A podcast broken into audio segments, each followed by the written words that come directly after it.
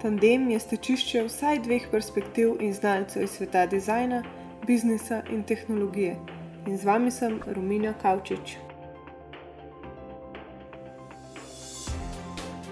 Pozdravljeni, 14 dni je mimo in danes bomo govorili o uspešni spletni prodaji.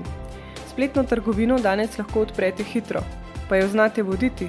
Znate spremljati statistiko, konverzije, pisati prodajne tekste, skrbeti za stranke in razvozlati, kaj si kupci zares želijo. Kaj pa programiranje in inženirski del trgovine? Kar nekaj dela in znajdljivosti in sprednosti vas čaka, če želite priti med najboljše in profitabilne trgovce.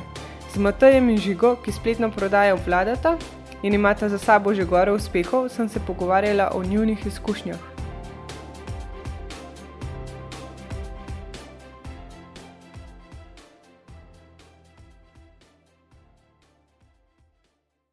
Matej Bešter je solasnik in vodja marketinga podjetja popolna postava.com. Leta 2016 so se znašli med top 5 finalisti mladih podjetnikov. Letos načrtujejo ustvariti milijon evrov prihodkov. S svojim programom, ki so ga poimenovali Formula popolne postave in popolno vadbo, pomagajo zaveščati pomen gibanja in zdrave prehrane. Leta 2015 so vstopili na hrvaški trg, leta 2016 na nemško govorečega, prihodnje leto pa bodo vstopili še na italijanski trg. Žiga Krampršek je ustanovitelj podjetja Wave Group, ki med drugim upravlja spletno trgovino Gizmo.si, razvijajo pa tudi programsko opremo za spletno prodajo in svoje blagovne znamke izdelkov. V letošnjem letu prodajajo na šest trgov, z večinsko prodajo na tuje trge. V zadnjih dveh letih se specializirajo na področju messenger marketinga in chatbotov, za kar so letos prejeli tudi nagrado POMP 2017 za najboljši digitalni medij ter Brumnovo nagrado za informacijsko oblikovanje. Žujo. Za začetek eh, mi prosim povejte, oziroma poslušalcem, s čim se ukvarjate, oziroma kakšno spletno trgovino imate, pa lahko ti začneš žiga. Ja, živijo sem žiga iz Wave Groupa, Eh, glavni del fokusa imam na razvoju uh, Gizmosi, spletne trgovine z podatki za mobilnike, ki trenutno prodaja na šestih uh, trgih. Uh, drug del fokusa imam pa trenutno najbolj posvečen messenger marketingu in chatbotom. Kaj pa ti, Matej? Ja, živijo, jaz sem Matej, so ustanovitelj portala in spletne trgovine polnopostava.com, uh, kjer ljudem pomagamo zaživeti bolj zdravo in polno življenje. Uh, poleg naših brezplačnih tedenskih nasvetov uh, uh, imamo za ljudi tudi razne programe za oblikovanje postave, vodeno vadbo, uh, personalizirane jedilnike in pa tudi svojo uh, blagovno znamko prehranskih dopolnil. Uh, drugače pa predvsem predokvarjam, predvsem se ukvarjam z marketingom in pa spletno strategijo za popolno postavo. Uh, Super, zdaj me pa zanima, kako da so se izbrala ravno ta trg. Uh, zdaj mi prodajamo na šestih trgih, se pravi, uh, prvi trg, ali kaj misliš? V smislu, zakaj ste se ravno odločili, da imate za popolno postavo in za hušanje, ti pa za dodatke, za prodajo nišo? Ja. Um, jaz iskreno sem zbral to nišo na podlagi možnosti targetinga v Facebooku, ki so se pojavile takrat. Uh mhm. -huh. Skoraj izključno na podlagi tega. No. Ja, mene je pa zdravim fitness že odnegdaj uh, ful zanimal in veselil in sem se pred parimi leti čistko vprašal, kje se vidim čez 5 do 10 let uh, in sem videl, da hočem biti nekje marketing pa še nekaj recimo in sem na podlagi tega potem šel v, v to smer, to se pravi nekaj v zvezi z zdravim fitnessom in marketing, da tudi biznis nekako zgradimo v to smer. Uh mhm. -huh. Vi ste začeli uh, kjer ga leta? Snimati? Uh, 2014 smo začeli, uh -huh. smo v mhm. bistvu izdali prvi izdelek, uh, formula popolne postave in takrat se je pa vse začelo. Pa v bistvu vi ste, mislim, super je, ker ste bili prvi na trgu. V bistvu ste prvi začeli snimati te videe, pa pač pomoč ljudem za hušanje. Pa me zanima, ali je težje pridobiti bilo ljudi ali je zdaj, da um, ostanejo pač vaši fani. Ja, oboje po eni strani nek uh, tak svoj challenge, zdaj na začetku, ko smo se trudili, da pridemo na ta trg, to se pravi zdravje, hujšanje, ki je en izmed najbolj zasičenih trgov. Smo imeli, da ne, bo, da ne bo lahko, ampak moraš biti inovativen, moraš biti drugačen, moraš biti boljši od ostalih, moraš nekaj novega ponuditi, da te sploh opazijo. Uh -huh. Da tako rečem, ne, ko pa enkrat to dobiš, ko dobiš prve stranke, ko si začneš počasi zgraditi brand, je potem ta druga stvar, ne, kako ostati, recimo, market leader, če temu tako rečem, moraš pa isto biti inovativen. Ne. Vedno moraš iskati nove poti, kako naprej, biti customer focus. Zmeraj um, kaj lahko v bistvu stranki še ponudiš, da ji pomagaš na tej njeni poti, recimo v našem primeru, vem, da so bolj zdravi, da se več gibajo in tako naprej. In zdaj, recimo, pri nas lahko dam tudi recimo, primer. Naš prvi izdelek je bil formula polne postave, ki je bil izključno fokusiran bolj za hujšanje oziroma oblikovanje postave. Smo pa videli, da z našimi, recimo, brezplačnimi nasveti največ, melodije, največ samo vadbo. Recimo, če smo dali ven kakšne prikaze vajnko, je bilo največ hajpa okrog tega, ne, če tako rečem. Potem je bilo nekako jasen naslednji step za nas, da damo ven mogoče ven vadbo. In smo dali ven vodeno vadbo, imamo popolna vadba. To smo dali ven lani, se je zelo v redu prijela. Letos smo rekli, ljudje, vidimo, da imajo ljudje probleme s prehranjevanjem, ne? Ne vem, personalizirani jedilniki so ok, ne, ampak ljudje še skozi rabijo, vem, da vejo, kaj gre v trgovino, da, kaj morajo kupiti in tako naprej. In smo recimo dali ven personalizirane jedilnike, ker ti za vsak dan recimo, dobiš svoj jedilnik. Ne, da ljudem sploh ni treba več odbišati razmišljati, grejo v trgovino, kupijo to in vejo, kaj bo jedel. Da v bistvu skušaš vse te probleme, ki jih imajo stranke, na nek način jim rešiti s svojimi izdelki. Uh, to se pravi, da ostaneš customer focus in je potem tudi lažje skozi to, ki si zgradiš brand, ko daš v nov izdelek, je veliko lažje lansirati, ker pa če vedno uh, greš recimo v nek nov market in probaš v nekem novem marketu uh, uh, pridobiti stranke in tako naprej. Ja, sej, zato se mi zdi, da imate to prednost na trgu. Kaj pa, če se premaknemo naprej v nakupno izkušnjo, kaj za vaju definicija dobre spletne nakupne izkušnje? Um, po mojem je to neka taka seamless izkušnja, ki ne zahteva preveč naprezanja. Um, je hitra, um, vsa ta transakcijska obvestila, ki jih pač pošiljaš, so v pravi meri, v pravem času in samo takrat, ko so potrebna. Um, zdaj, primer iz, uh, bi bil mogoče Amazon One Click Purchase ali pa Dash Button. Um, to je nekako po mojem najbližje popolni spletni nakupni izkušnji in potem se pač poskušaš temu čim bolj približati. Um, zdaj torej pač izločaš um, potrebne akcije, ki jih mora uporabnik storiti, da naročilo da. Zdaj najlažje to normalno dosegaš, če imaš um, neke podatke oziroma registrirane stranke. Če pa jih nimaš, se pa pač poskušaš temu približati. Recimo, vem, če nimaš podatkov o naslovu, mogoče lahko ponudiš avtokomplet naslova v, v, v checkout in neke podobne stvari. Pač. A vi to uporabljate? mi v Sloveniji ne, ampak na nekih um, tujih šopih paja, ki je malo boljša podpora od Google Apple. Uh -huh.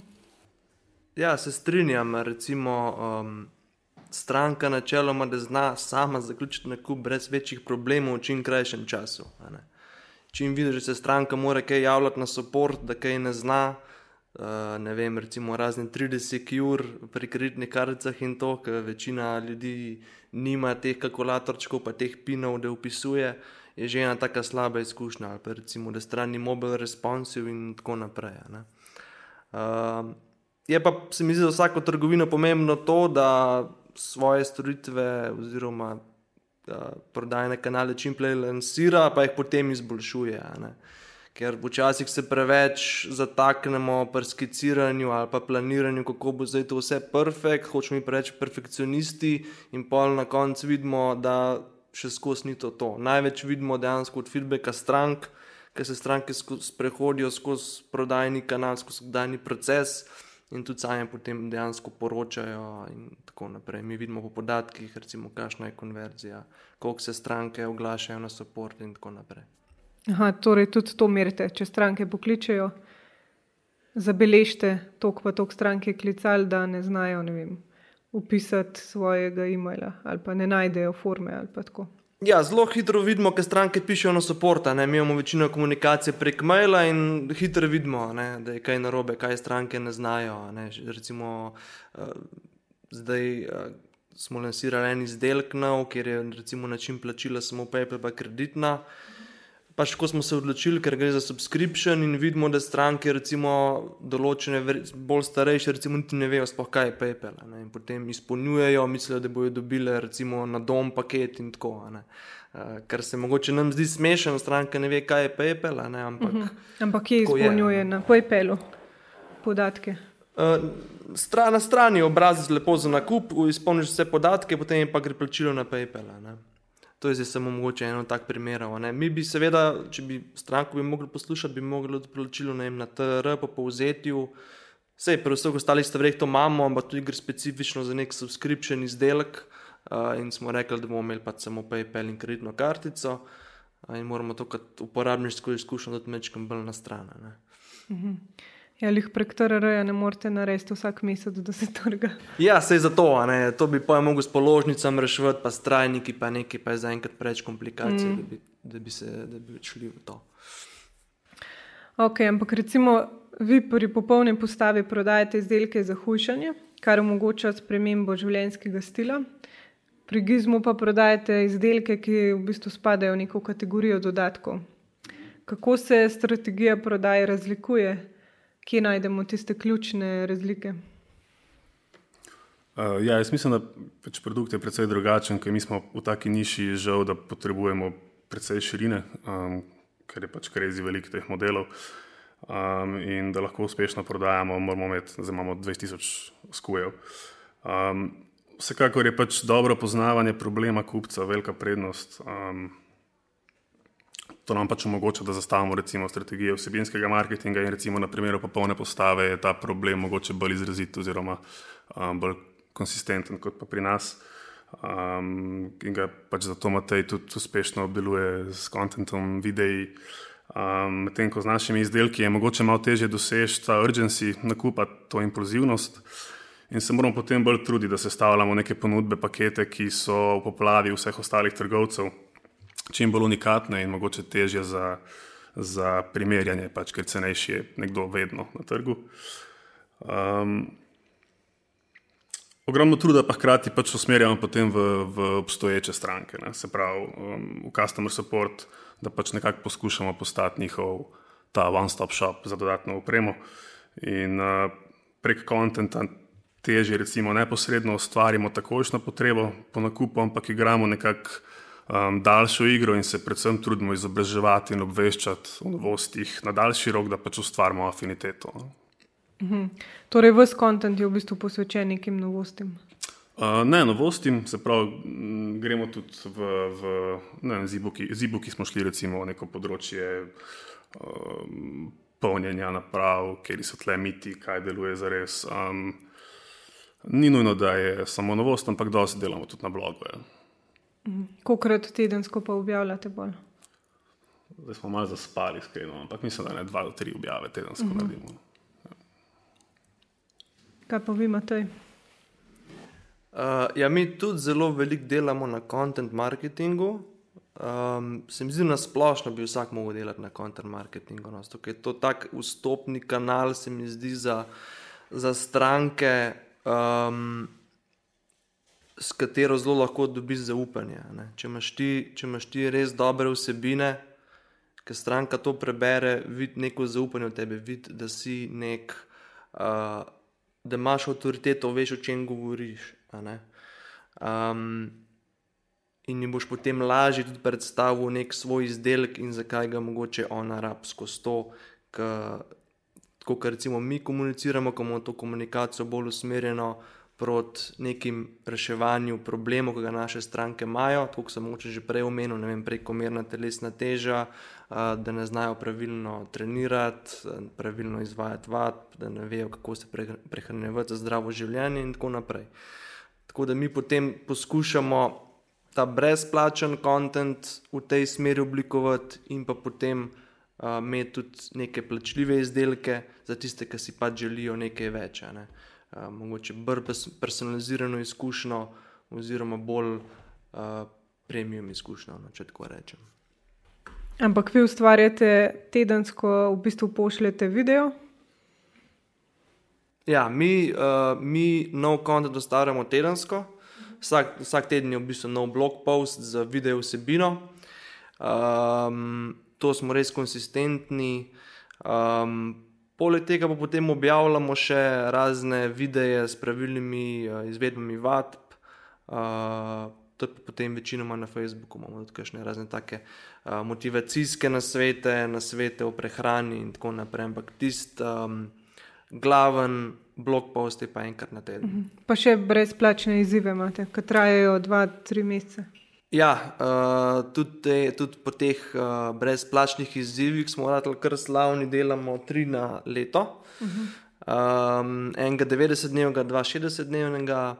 Uh, to je pa čistko, opazili smo, ljudje radi rečejo, radi vidijo, da je nek dogodek, je neki event, reče, ok, 60 dni ali pa 90 dni, zdaj le bom pa stisnil, bom res probal se držati prehrane, se bom probal držati vadbe in mogoče narediti eno spremembo. In mi jih tukaj, kar se da, spodbujamo ne? in skozi uh mhm. -huh. to v bistvu gradimo neko zaupanje in uh, trust. Ne?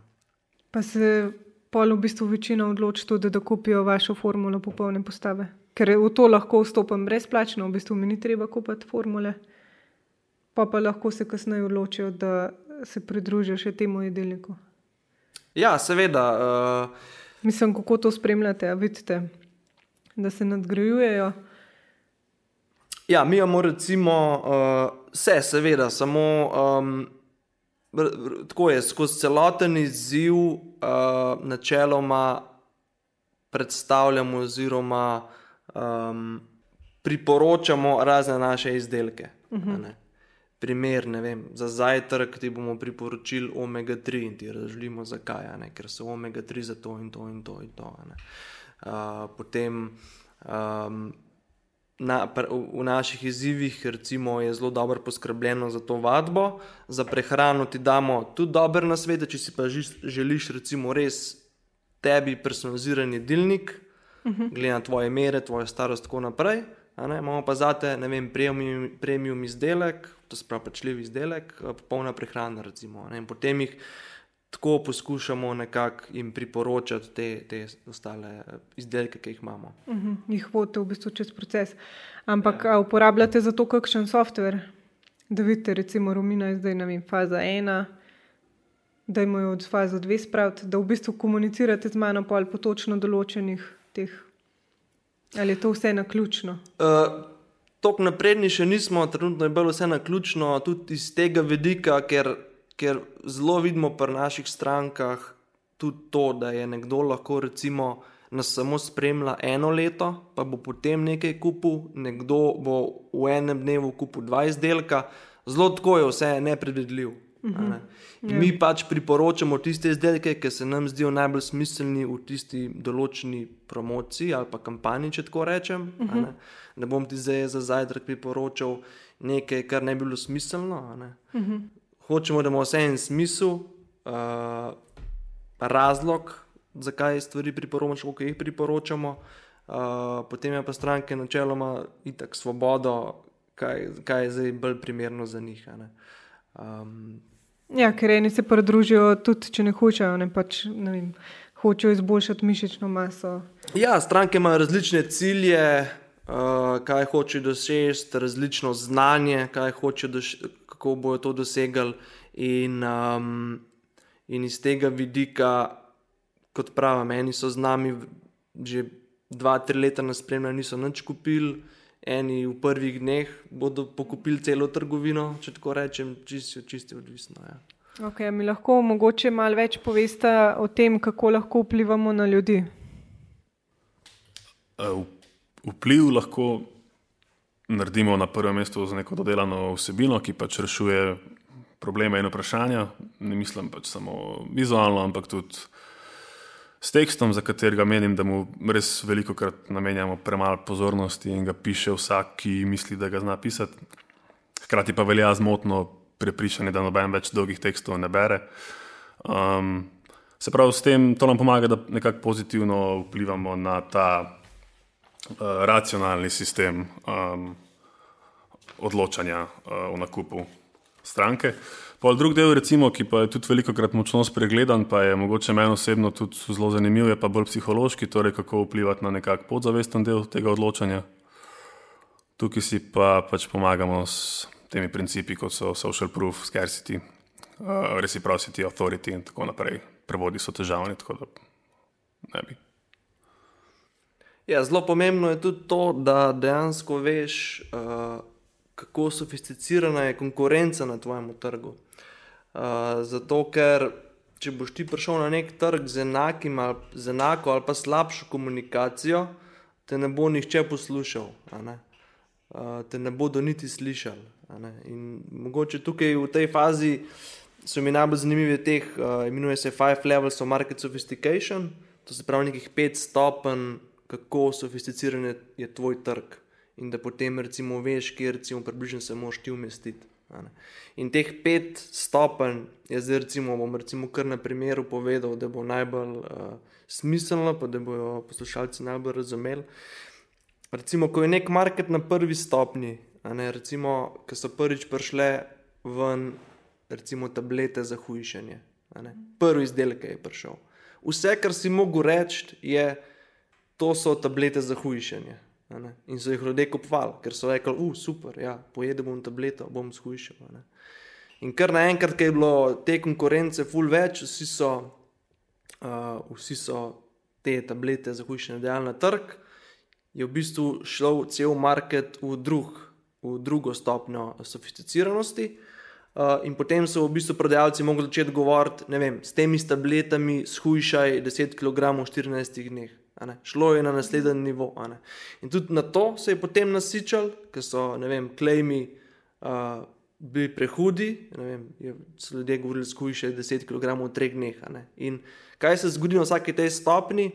Stranka neha verjeti tem klejmom in potem mora iti market na naslednji level. Tretji, tretji nivo, uh, v tretjem nivoju gre za predstavitev nekega novega mehanizma. Kaj to pomeni v tem primeru, recimo uh, Garsinja Kambodža, ki jo verjetno vsi poznamo. So recimo proizvajalci rekli, ok, to so zdaj tablete za hujšanje, njih je Garsinja Kambodža, to je bilo kao neko novo odkritje za hujšanje. So stranke recimo spet verjele. Uh, da ja, uh, to pa bo zdaj mogoče pomagalo, uh, ker prihajajo tam neki iz Afrike ali skje. No, in potem se seveda spet polno prodajalcev, stvar se spet nasiči in je treba iti na četrti, uh, četrti level. Uh, četrti level je pa v bistvu uh, s tem istim mehanizmom, recimo Grstina Kambodža, ampak da recimo rečeš, vem, da je to ekstrakt, ki se desetkrat boljš, recimo, uh, upije v telo, in, in tako naprej. To se pravi, da je nekaj hitrejš, boljš, ne, bolj se absorbira, ne, in to lahko bi se za vsak izdelek. Uh, pa je pa treba recimo razmišljati, kje na tej stopni se moj market recimo je. Ker peta stopna uh, je pa recimo najbolj sofisticirana uh, je, pa primer, je pa primer identifikacije. Takrat pa, da se stranka dejansko identificira s tem brandom, to se pravi, primer Apple. Ne? Nek ne vem, hipster, ki hoče biti in bo imel Apple, ker bo on zdaj, ker bo imel Apple, bo kul cool, in se sofisticira. Ne? Nekdo, ki voz uh, BMW-ja ali pa neko znamko, se s tem identificira in ne bo vozil recimo nekaj drugega da s tem dejansko uh, identificiraš. Uh, tako da to je zelo pomembno, da veš, kje si na tej stopni, ker kot sem rekel, če boš ti prišel slabo komunikacijo, te stranke enostavno ne bodo slišale, ker so to, kar ti komuniciraš, že slišali stokrat. Primer. Mhm. Recimo, za me pa zanima, kaj so največji morilci konverzije, kaj se vam zdi za spletno trgovino. Um, po mojem mnenju je to predvsem uh, pravi, predolg, zapleten nakupni proces in nejasnost nakupnega procesa. Tukaj mislim, recimo, da so CTA-ji dobro obarno šifrirani, konsistentni na pravem mestu, um, upperfold, včasih, če je možno.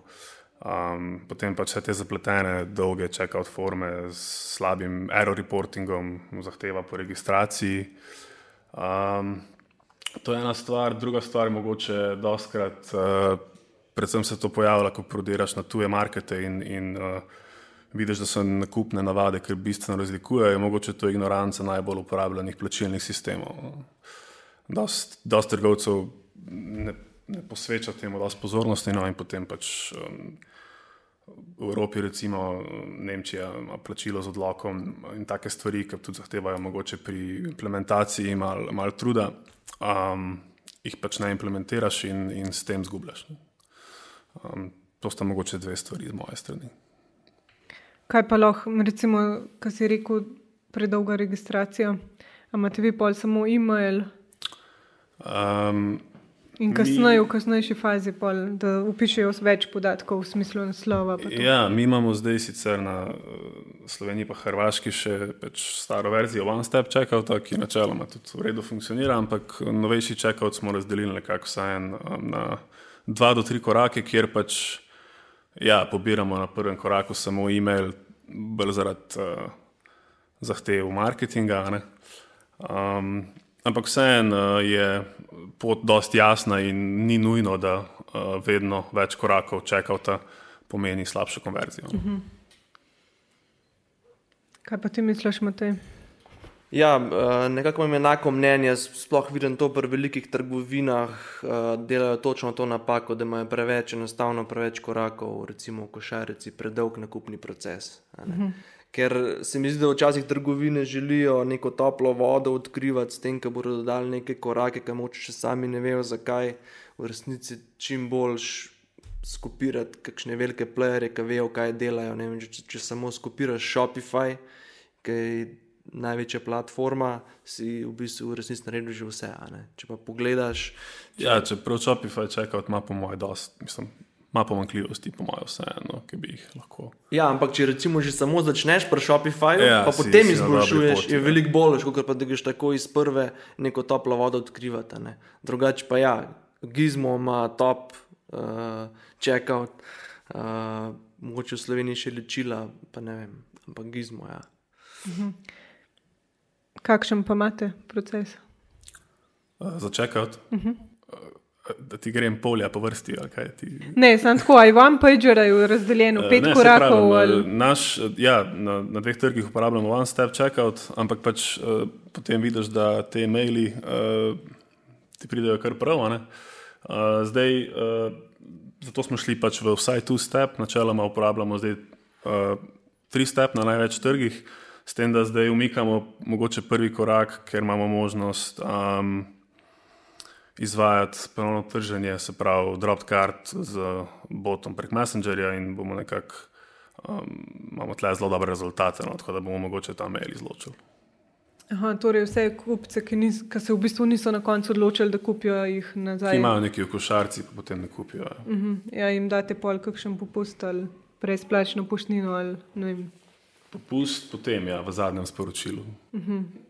Um, recimo, ko delate kampanje za Facebook ali Google ali karkoli, kdaj se odločite, da kampanjo ugasnete, oziroma je to sploh odločitev, ki je zdaj relevantna, a se na podlagi teh um, konverzij, kako se to odločite?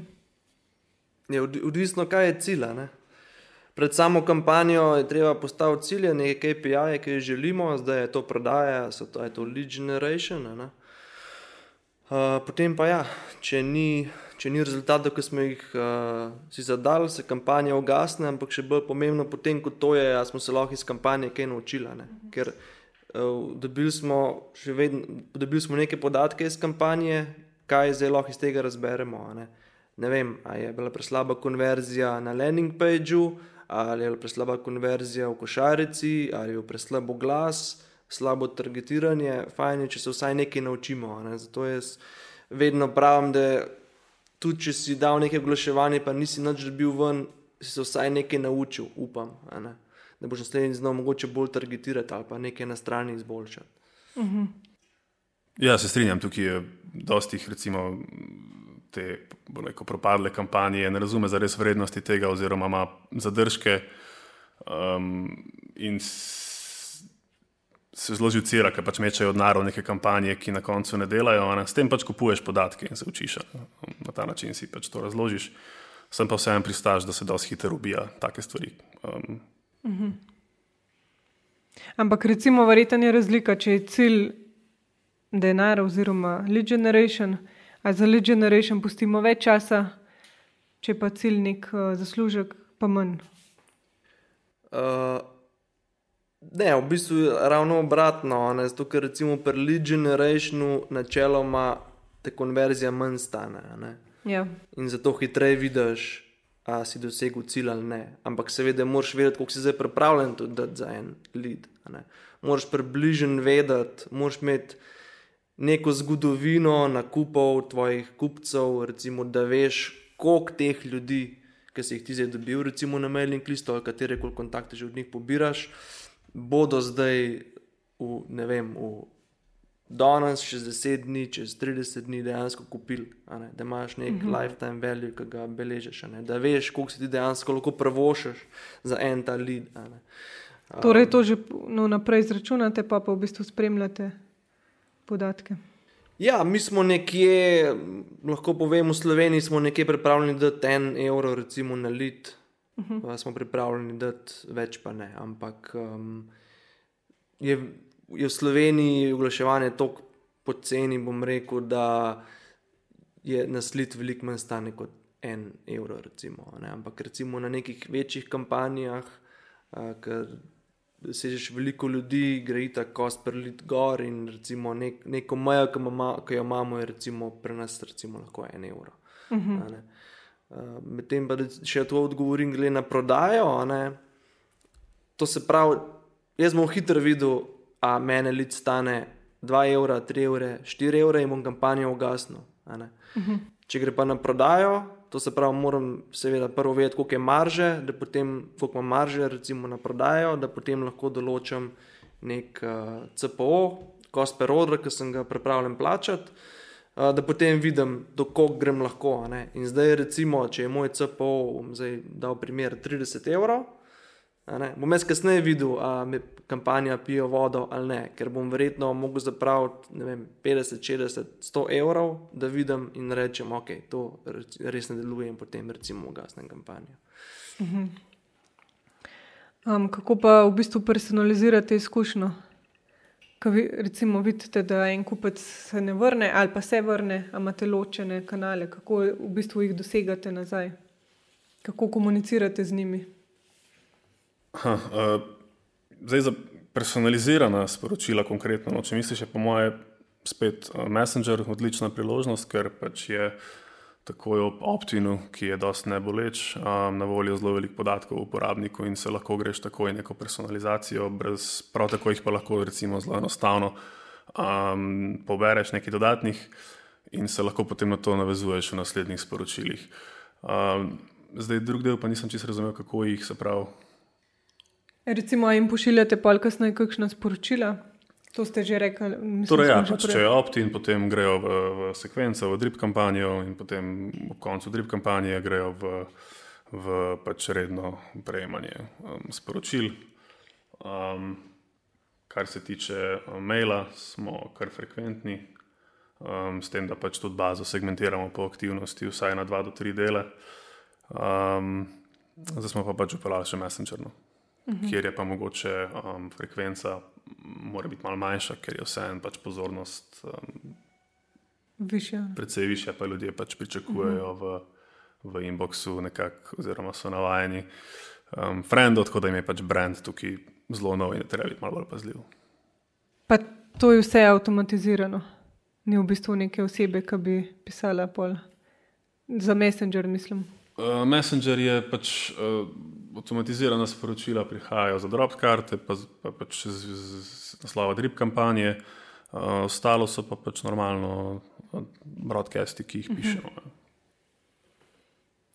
Kako imate pa vi? Um, ja, zelo veliko delamo retargeting kampanj. Uh, da če se Na spletno stran, retarget. zelo različne -huh. stvari. Recimo, um, recimo uh, ljudje, ki so uh, se udeležili od enega od naših izzivov, ne, uh, potem dobijo recimo retargeting kampanje uh, za določene naše izdelke.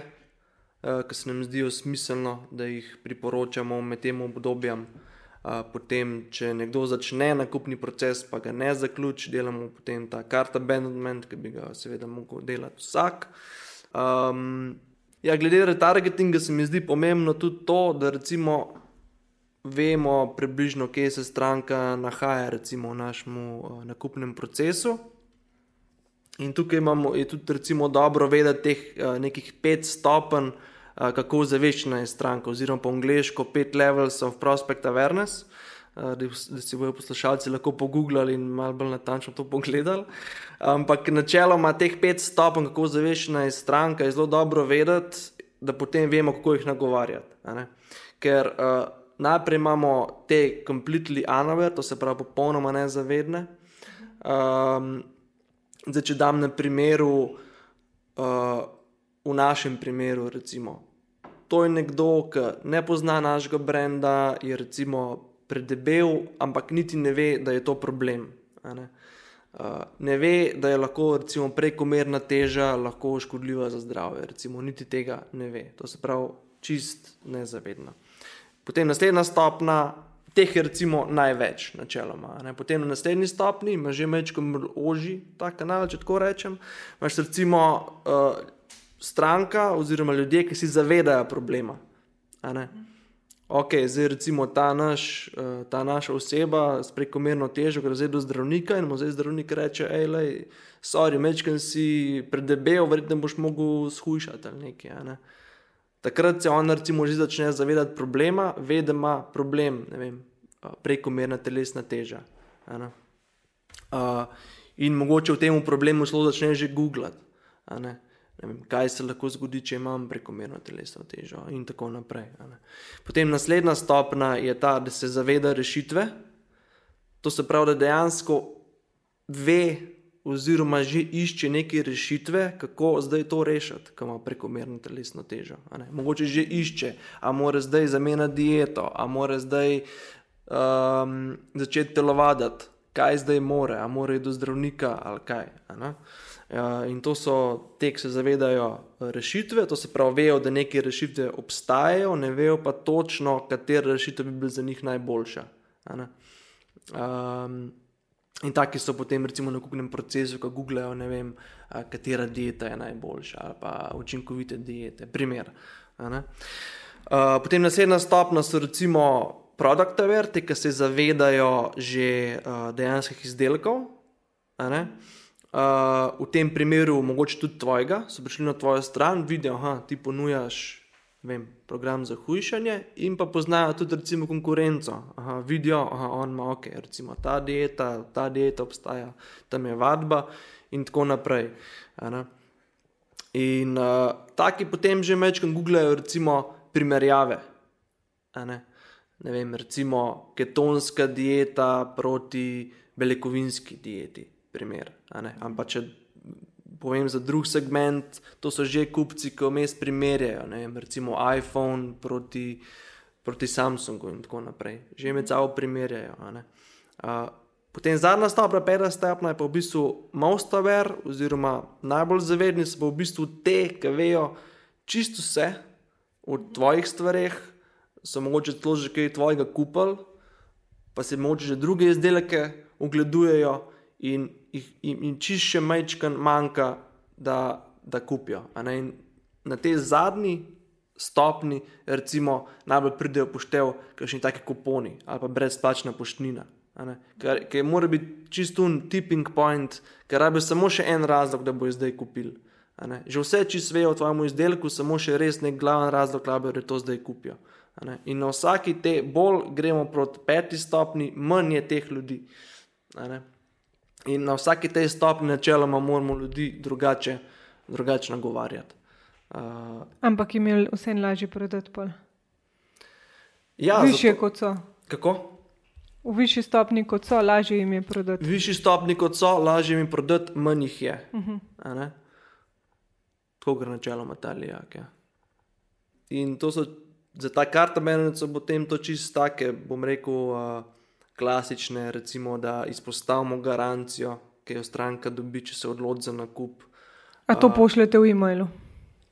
Uh, to je zdaj v bistvu za Facebook. Uh -huh. uh, tudi za, ja, imamo tudi za e-mail te, um, za določene izdelke imamo tudi za e-mail, um, ampak večinoma na Facebooku, no, lahko iz podatkov povem, da nam je ful dobro delovalo. Uh, imeli smo recimo tudi uh, za naš program Formula polne postave, smo recimo imeli tako garancijo, da stranki vrnemo 50 evrov. Uh -huh. Če gre skozi program in za stranko program ne deluje, to se pravi, da ni bila zadovoljna z rezultati, ki jih je dosegla, recimo čez 30 dni. Uh, a 30 dni je mogla, mislim, je mogla testirati 30 dni, in pol, če pač ni bila zadovoljna, vrnete. Ja, na, na, garancija je bila, je bila načeloma taka. Ne. V 30 dneh ti vrnemo kupnino, ni važno, a, a, a, kaj je bilo narobe. Uh -huh. Tudi če si recimo nisi pogledal sploh stvari, pa si jo pač vrnil, ti vrnemo kupnino. Če si pa hotel dobiti še 50 evrov, je bilo pa samo za une, ki so dejansko vložili trud in šli skozi program in delali po nasvetih. To se pravi, a, trenirali in tudi a, jedli po nasvetih iz uh, formule. E, kako ste pa to spremljali? Ja, v vseh teh naših membershipih, ki jih imamo, uh, imajo dejansko stranke nek, uh, mi ga imenujemo, nek zavikak moj napredek, je v bistvu urodje, s katerim stranke merijo svoj napredek. Uh mhm. -huh. In uh, recimo za ta primer, če je stranka želela uh, vrčilo 50 evrov, čeprav moram reči, da niti enega nismo imeli. Uh, ki bi mu dejansko morali vrniti. Um, mora pa stranka 30 dni upisovati uh, svoje meritve. Da se enkrat na teden naredi meritev, uh, spravi, da se zvaga, da, da se uh, zmer uh, obsega in tako naprej. In če seveda po 30 dneh ne bi bilo želenih rezultatov, bi mi z veseljem stranki dali 50 evrov, ker je vsaj uh, poskusila. poskusila, nam to zaupala, ampak se pravi, ta zgi primer zdaj še nismo imeli. -hmm. Ja, mislim, tudi pri nas je retargeting ena glavnih strategij, za, mislim, da je to v okviru tega, se pravi, za pridobivanje strank nazaj. Tukaj bi mogoče dve stvari, um, se mi zdi, da so pomembne. Ena je to, je že Matej omenil, da, da zares um, veš, kje v nakupnem procesu točno stranka je uh, in pač dobiš primerno sporočilo glede na to. Ne? Se pravi, nekdo, ki je pomotoma kliknil, eto kart. Um, rab drugačno sporočilo, kot nekdo, ki je na koncu poštno številko, pripisal poštne številke, se zapletel. Um, na drugi strani pa tudi to se mi zdi pomembno, zdaj se to že da dobro delati, je, da uh, se retargeta promet, ki um, je naredil, bom rekel, tako, vsaj dva plus sešna in imel vsaj nek, um, se pravi, time on page. Če druga ne s tem izločiš razne bote in te stvari, da potem tega ne retargetaš po možnosti. Ampak um, lahko mogoče priporočate kakšno urodje za, te, za to spremljanje uporabnikov ali pa za drip kampanje. Za drip kampanje, ko konkretno odvisno na katerem uh, kanalu misliš, se pravi mail, messenger ali kaj. Ja, recimo e-mail. Aha, e-mail. Ja, mislim, da drip kampanje oziroma sekvence se da praktično v vsakem um, providerju, ki podpira nek automation nastaviti. Uh, Ja, se mi zdi, da je pomemben, da je dobra povezava med uh, shopping kartom, ki jo uporabljaš, to se pravi spletno trgovino, sistemom spletne trgovine, ki jo uporabljaš, in tem marketing automation toolom, da je dobra povezava. To je se mi zdi, ja, da se važno. podatki pošiljajo. Tako. Tako Kako pa vidite tehnologijo in oglaševanje? Ker recimo tehnologija se zelo hitro spremenja. Že če pogledamo samo Facebook, um, stalno spremenja neke algoritme in uh -huh. me mhm. zanima, kako pa sledite temu, ker je v bistvu treba biti kar žuren. Uh, zdaj, tehnologija v smislu tega, da pač oglaševalcu omogoča neko uh, merljivost in s tem mogoče boljšo optimizacijo kampanj, ali kaj je to lahko dobra stvar, mogoče tudi bolj personalizirana sporočila. Um, pač predvsem za nekega oglaševalca, ki je agilen in je hiter in se rad uči, je pač to pozitivno. Um, lahko je pa mogoče z vidika uporabnika, ok, načeloma vsem videvamo zaradi tega stvari, ki nas malenkost bolj vsaj zanimajo. Um, lahko pa včasih mogoče kakšen oglaševalec ve malo preveč uh, in je mogoče to z tega vidika potem negativno. Uh, zdaj, na nehne spremembe, ko se pač dogajajo v tem algoritmu, je pa, ja, mislim, Facebook je glede tega zelo specifična platforma. No. Um, lahko recimo zadeve zanihajo tudi za par sto procentov, čist na random, za par dni in si včasih zelo težko razložiš. Uh, lahko je tudi vstop na kakšnem manjšem trgu ali pa nižji, kakšnega večjega oglaševalca z nekimi, z nekimi crazy prijemi in se tudi to pozna. Um, pač ja, mislim, zdaj lahko bi pisal v podporu, če bi ga imeli. Tako da se pač temu prilagodiš in, uh, in se iz tega učiš. Pač je, ja, včasih je zelo težko si razložiti um, kakšne stvari. Ampak se tudi kampanja na podlagi tega spremenja. Naprimer, ne vem, zdaj je zelo popularen video, oziroma se mi zdi, da ga targetirajo više. Pa, ja. pa tudi večina oglaševalcev zdaj dela veliko z videi. Ni več toliko tekstovnih oglasov, oziroma mogoče samo slikovnih.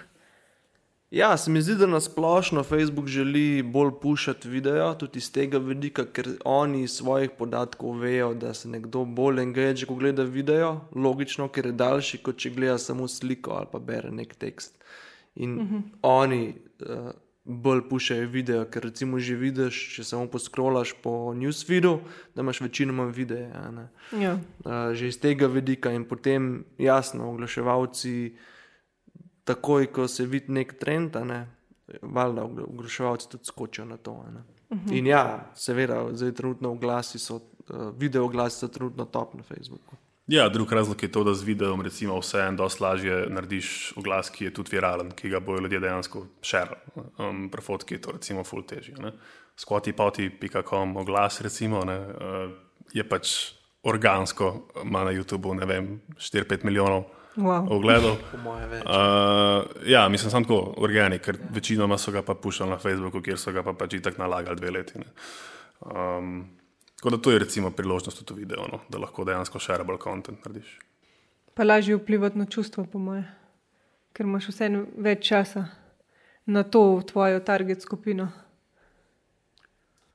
Ja, zdaj odvisno. Jaz sem sicer pristaš. Uh, pri oglaševanju, da stranko čim prej peleš dol iz oglaševalske platforme v svoje okolje, to se pravi uh -huh. na svojo spletno stran. Iz večjih razlogov, zato ker uh, na svoji spletni strani ti, procen, ti potem dejansko cel proces kontroliraš. Uh mhm. -huh.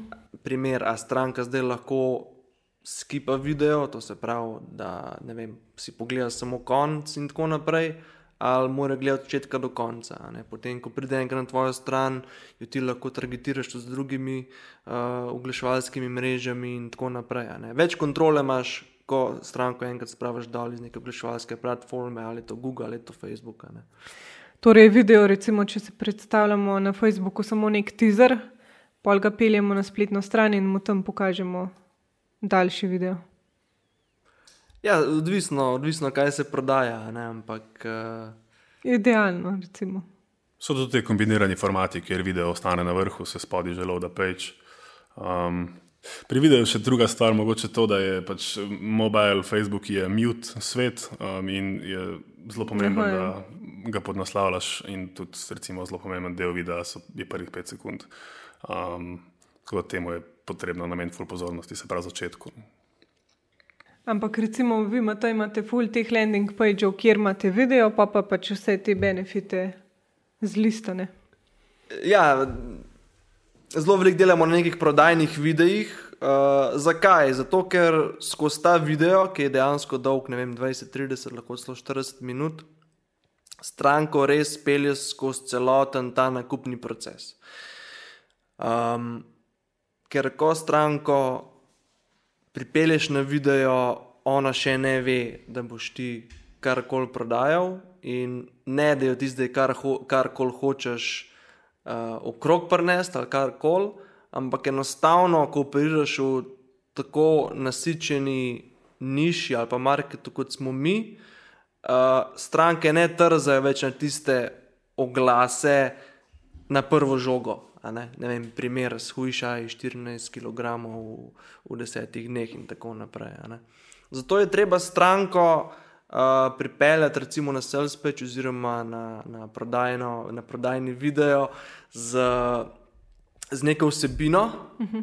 in da je v bistvu skozi ta video dejansko podaš to vsebino, predstaviš njene probleme, predstaviš, kaj je rešitev, kaj se bo zgodilo, če, če ne spremeni za nekih svojih navad in tako naprej. In v bistvu skozi ta video, kot, kot sem rekel, je dolg 20, 30, 40 minut dejansko predstaviš svojo rešitev in zakaj je tvoja rešitev recimo, najboljša, recimo boljša od konkurence in tako naprej.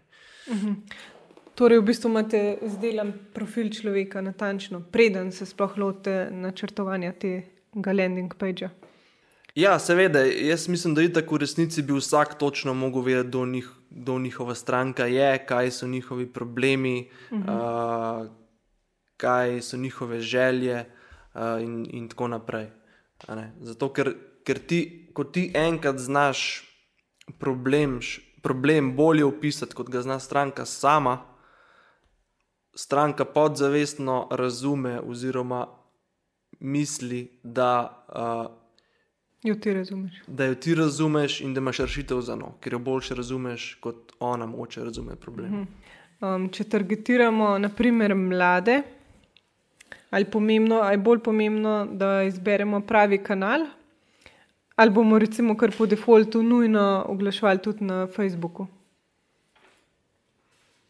Ja, uh, kot, sem, kot sem omenil, je zdaj najbolj, najbolj pomembno to, da um, izberemo ciljne uporabnike, da jih poznamo, da vemo, kdo to sploh so, uh mhm. -huh. in šele kasneje, na katerih kanalih jih dejansko lahko dosežemo. Uh, Zdaj, pri Facebooku je res to, da so vsi na Facebooku, uh, in tako poslovni, kot uh, ne, normalni uporabniki, da lahko dosežemo vse.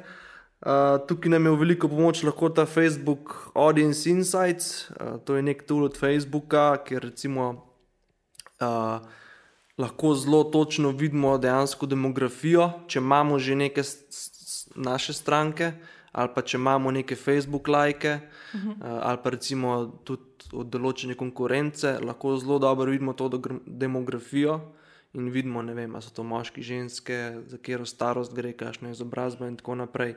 In veliko boljš potem lahko tudi to stranko razumemo in jo potem nagovorimo, uh -huh. uh, ko gre za prodajno sporočilo in tako naprej. Ja, se strinjam. Uh, po mojem, se pravi, rekli si ali. Uh, audience ali kanal ali, ali pač false premise. Mora biti neka primerna kombinacija. Ne. Tudi to pojmovanje kanala je mogoče problematično včasih. Se pravi, nisem fan grupiranja recimo kanalov, če smo mislili zdaj kanalov trafika v social medije. Recimo, uh -huh. Ker pač se mi zdi, da je Facebook, pa Instagram, pa Twitter, pa Snapchat, pa pač YouTube so, se bistveno razlikujejo med seboj. In je pa smešen, če nekdo da v brief, da bomo to na paid social pač recimo um, poribali. Tako da, če imaš recimo ti, ne vem, mlade mamice, 25 do 40, boš valjda na, vem, na Pinterestu, še posebej, če recimo rade upremljajo stanovanje, uh, lahko veliko več naredil, kot pa, ne vem, mulcem fidget spinnerje prodajo ali karkoli. Tako da, po mojem, je pač tukaj ja. Um, uh, v vsakem primeru treba iskati kombinacijo um, pravo. Kaj pa recimo, um, po mojem, oba dva uporabljata ta direct response marketing, kar pomeni, da se morajo stranke kar hitro odzvati. Ali je ta način pisanja drugačen? Uh, ja, direct response marketing načeloma pomeni to, uh, da stranka načeloma, da gre za neko direktno akcijo stranke. Ne. Zdaj to je lahko tudi lead generation, lahko je direktna prodaja, uh, da ne gre za tisti klasičen branding, ki ga vidimo recimo na Jamboti, ki je zgor samo en izdelek. In zdaj je kakšen učinek tega bil ali ne, noben ne ve. Prvi direkt response se načeloma vse akcije merijo in se vse lahko zmeri. Tako kot sem rekel, zdaj gre to za lead generation ali gre za prodaje, vseeno. Uh, važno je, da mi to zmerimo, da vemo, uh, imamo postavljene cilje, imamo postavljene KPI-je uh, in se na podlagi tega potem tudi kampanje uh, uh, prilagajamo, delamo nove, jih ugašamo in tako naprej. Mhm. Kaj pa recimo skrb za stranke? Meni se zdi to zelo pomemben del prodaje. Um, ja, še posebej, če pač uh, prodajaš neke izdelke, ki um, pri katerih računaš na povratnike, oziroma um, so nujno potrebni za tvoj poslovni model, um, je po mojem mnenju customer service en, en bolj pomembnih segmentov in mi pač tudi ogromno uh, v to vlagamo. Uh, zdaj, kakorkoli to je, se pravi, igra na dolg rok. Ne. Poznam tudi recimo primere nekih trgovcev, ki pač imajo mogoče izdelke, ki, ali pa en izdelek, kjer je repeat customer zelo redek. Um, hkrati je pa pač treba vedeti, da dober customer support tudi veliko stane. In taki mogoče včasih namerno pač customer support outsourcajo ali pa ne vlagajo toliko pozornosti van, ker pač jim poslovno to deluje. No. Ampak v vsakem primeru se pa pač vlaganje v customer support za večino primerov izplača. Ja, tudi pri nas, pri popolni postavi, je uh, customer support eden izmed najbolj pomembnih delov. Ravno zaradi tega, ker smo tudi v taki industriji, v taki niši, ker stranke niso navajene dobrega podporta. In s tem, ko imamo mi dober podpor, ki smo tam za stranko, ki ji pomagamo na vsa vprašanja, uh, ki jih nimajo malo uh, si še dodatno zgradimo uh, nek zaupanje in pa na koncu dneva tudi nek brand. Ne? Zato, ker stranka ve, da bo kupila nek, naš izdelek, ki bomo mi dejansko pomagali s tem izdelkom priti do cilja. To se pravi, um, to se pravi uh, vem, preoblikovati postavo ali karkoli je njihov cilj. Um, in smo tam z njimi, dokler nam bodo pač pisali. S tem gradimo tudi komunity, Uh, še posebej na Facebooku imamo kar močen komunity uh, v tej naši zaprti grupi, popolna postava. Uh, in tam noter, recimo, se vidi, da ko ljudje pridejo z nekimi vprašanji, če imaš močen komunity, si bodo že sami med sabo recimo, odgovorili. Uh -huh. uh, in skozi to, skozi ravno ta customer support, da, vid, da, da stranke vidijo, da ti ni vse ko je bil nakup upravljen, da stranka vidi, da ni vse, da ti je mar za njihove rezultate, se mi zdi, da takrat se šele ta pravi brand začne graditi. Zato, ker, uh, ne, moje mišljenje je, da grajenje brenda se ne zgodi pred nakupom. Uh. -huh. Ja, se je pomembno, da imaš ti lepo spletno stran, da se stranka znajde. Da... Ampak to pač so neki standardi, ki v bistvu bi danes vsi se mogli po tem držati. Ampak se brend zares zgodi šele po nakupu. Kakšna ima stranka dejansko uh, experience s, tvojemu, s tvojo storitvijo, s tvojim izdelkom. Kaj se zgodi, ker ti ona pošle mail, da nekaj ne ve, da je nekaj šlo na robe. Uh, ker vidimo, da tisti, ki imajo z našimi izdelki rezultate, tisti potem z nami ostanejo dalj časa. Pa še drugim priporočajo. V bistvu. Priporočajo drugim, kupujejo druge izdelke, res ostajajo zvesti. Ja, to, to je zanimivo, kar je že omenil, koliko je strankam dober podpor, se pravi vrhunski podpor, koliko jih preseneti, koliko jim je nov, se pravi koliko je slabega v zuniji. Um, oziroma, včasih jim je to pač res nepopisno, uh, ker si pač fuludziven, um, pa hkrati fulparjazen mi pač polepša dan. In uh, jaz ne vem, mislim, očitno je dosti slabega podporta. Um, Oziroma, ga sploh ni. Pa, ja, pa ga ni. Um, a mislite, da je v marketingu boljše slediti drugim in uporabljati neke preverjene recepte, ali je boljše ustvarjati uh, svoje pravila in na nek način prebijati let? Pa testirati, pač, seveda, če deluje. Ja, jaz mislim, da. Uh, oboje. Zdaj, za samo marketing strategijo je sigurno bolj fun delati nove stvari oziroma postavljati nova pravila. Um, pač ful se splača biti, po mojem, hiter in takoj testirati nove možnosti, ker ponavadi pač najbolj delujejo na začetku, ne pač pol, ki jih vsi uporabljajo. Um, recimo Messenger marketing je trenutno taka stvar. Uh, zdaj, na drugi strani, pri, pri mogoče načrtovanju uh, vem, prodajnih spletnih mest, je pa bolj priporočljivo, po mojem, da se počasneje umikaš od nekih praks, ki so preverjene, pa ustaljene. In se izogibaš nekih revolucij. Ne. Um, Doskrat recimo vidim neko vzorc, da se da redesign web shopa delati enemu oblikovalcu, ki je lahko recimo sicer zelo dober v tem, kar počne, ampak nima pa izkušenj z oblikovanjem prodajnih mest in pomenom pač prodajne optimizacije. Ne? In potem, če marketing ni dovolj upleten, so pač lahko usodne te dizajn revolucije. Ne? In tukaj je pač treba biti res počasen um, in delati iteracije, pač ne revolucije. Ja, kot sem že omenil, uh, recimo čekout je recimo en tak, en tak primer, ki se mi zdi, da zelo veliko ljudi hoče neko toplo vodo uh, odkrivati. Ampak se mi nasplošno zdi, no, da je bolj iti po nekih preverjenih receptih, še posebej, če delaš recimo v Sloveniji, če pogledaš mečkam, kaj se dogaja v tujini, še posebej v Ameriki, uh, ker se mi zdi, da recimo ameriški trg je definitivno najmanj pet let pred evropskim oziroma slovenskim in se zelo veliko lahko naučiš, da samo pogledaš, kaj recimo se dogaja v Ameriki. Pa ni treba zdaj kopirati, copy-paste. Lahko samo za ideje, dobiš neko idejo, v Ameriki deluje, lahko tukaj testiraš. Uh -huh. In iz tega vidika, definitivno ni pametno odkrivati tople vode, bolj pametno je, da, da neko stvar narediš preverjeno in potem testiraš, kot je žiga omenil, neke svoje prijeme, ki misliš, da bi delovale. Da bi delovale ne? in takrat, recimo, uporabiš neke split teste in lahko zelo hitro vidiš, ali uh, stvar pije vodo ali ne. ne? Ker nikoli, nikoli tudi to, da skrat slišim, kakšne horror storije, ravno to gre, da v redesign. Ne, zdaj bojo pa čist spremenili eno stvar, čist iz danes na jutr, in potem tega niti ne zmerijo, da je stvar bila boljša ali slabša, in potem mogoče niti ne vejo, in je lahko kolapsa. Ne, v bistvu. Tukaj mora biti neko zdravo sovraštvo v procesu med marketingom in dizajnom. Jaz to pravim. Isto recimo marketing pa dispatch ni dobro, da se ful marajo, ali pa da, da sta brat pa sestra vodja marketinga pa dispatcha, ker so pač konflikti interesov, pa čist.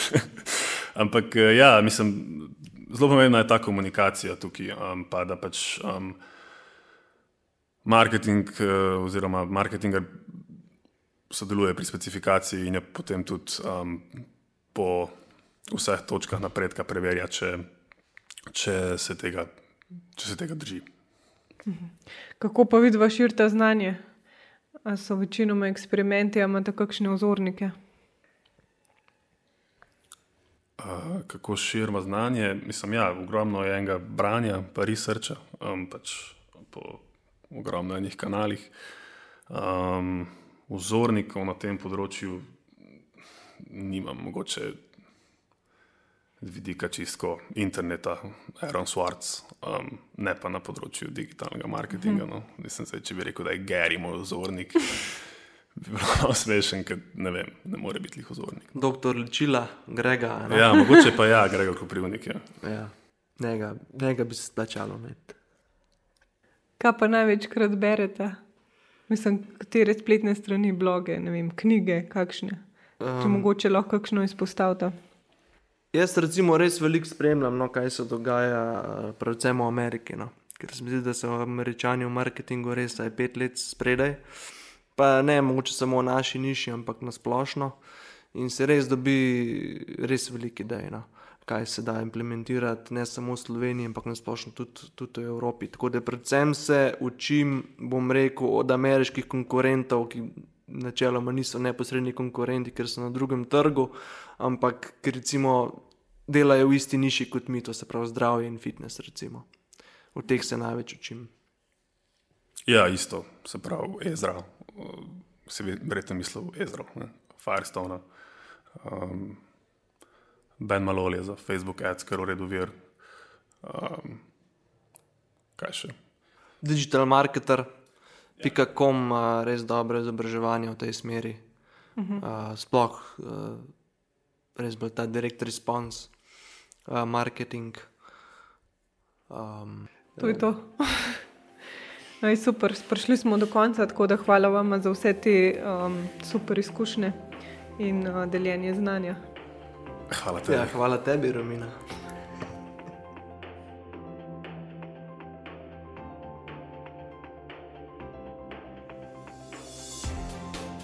Tandem lahko spremljate na Twitterju, Instagramu in Facebooku pod Poslušaj tandem. Vaša mnenja in predloge pošljite na hajafna poslušaj tandem.si. Adijo, se slišimo čez 14 dni.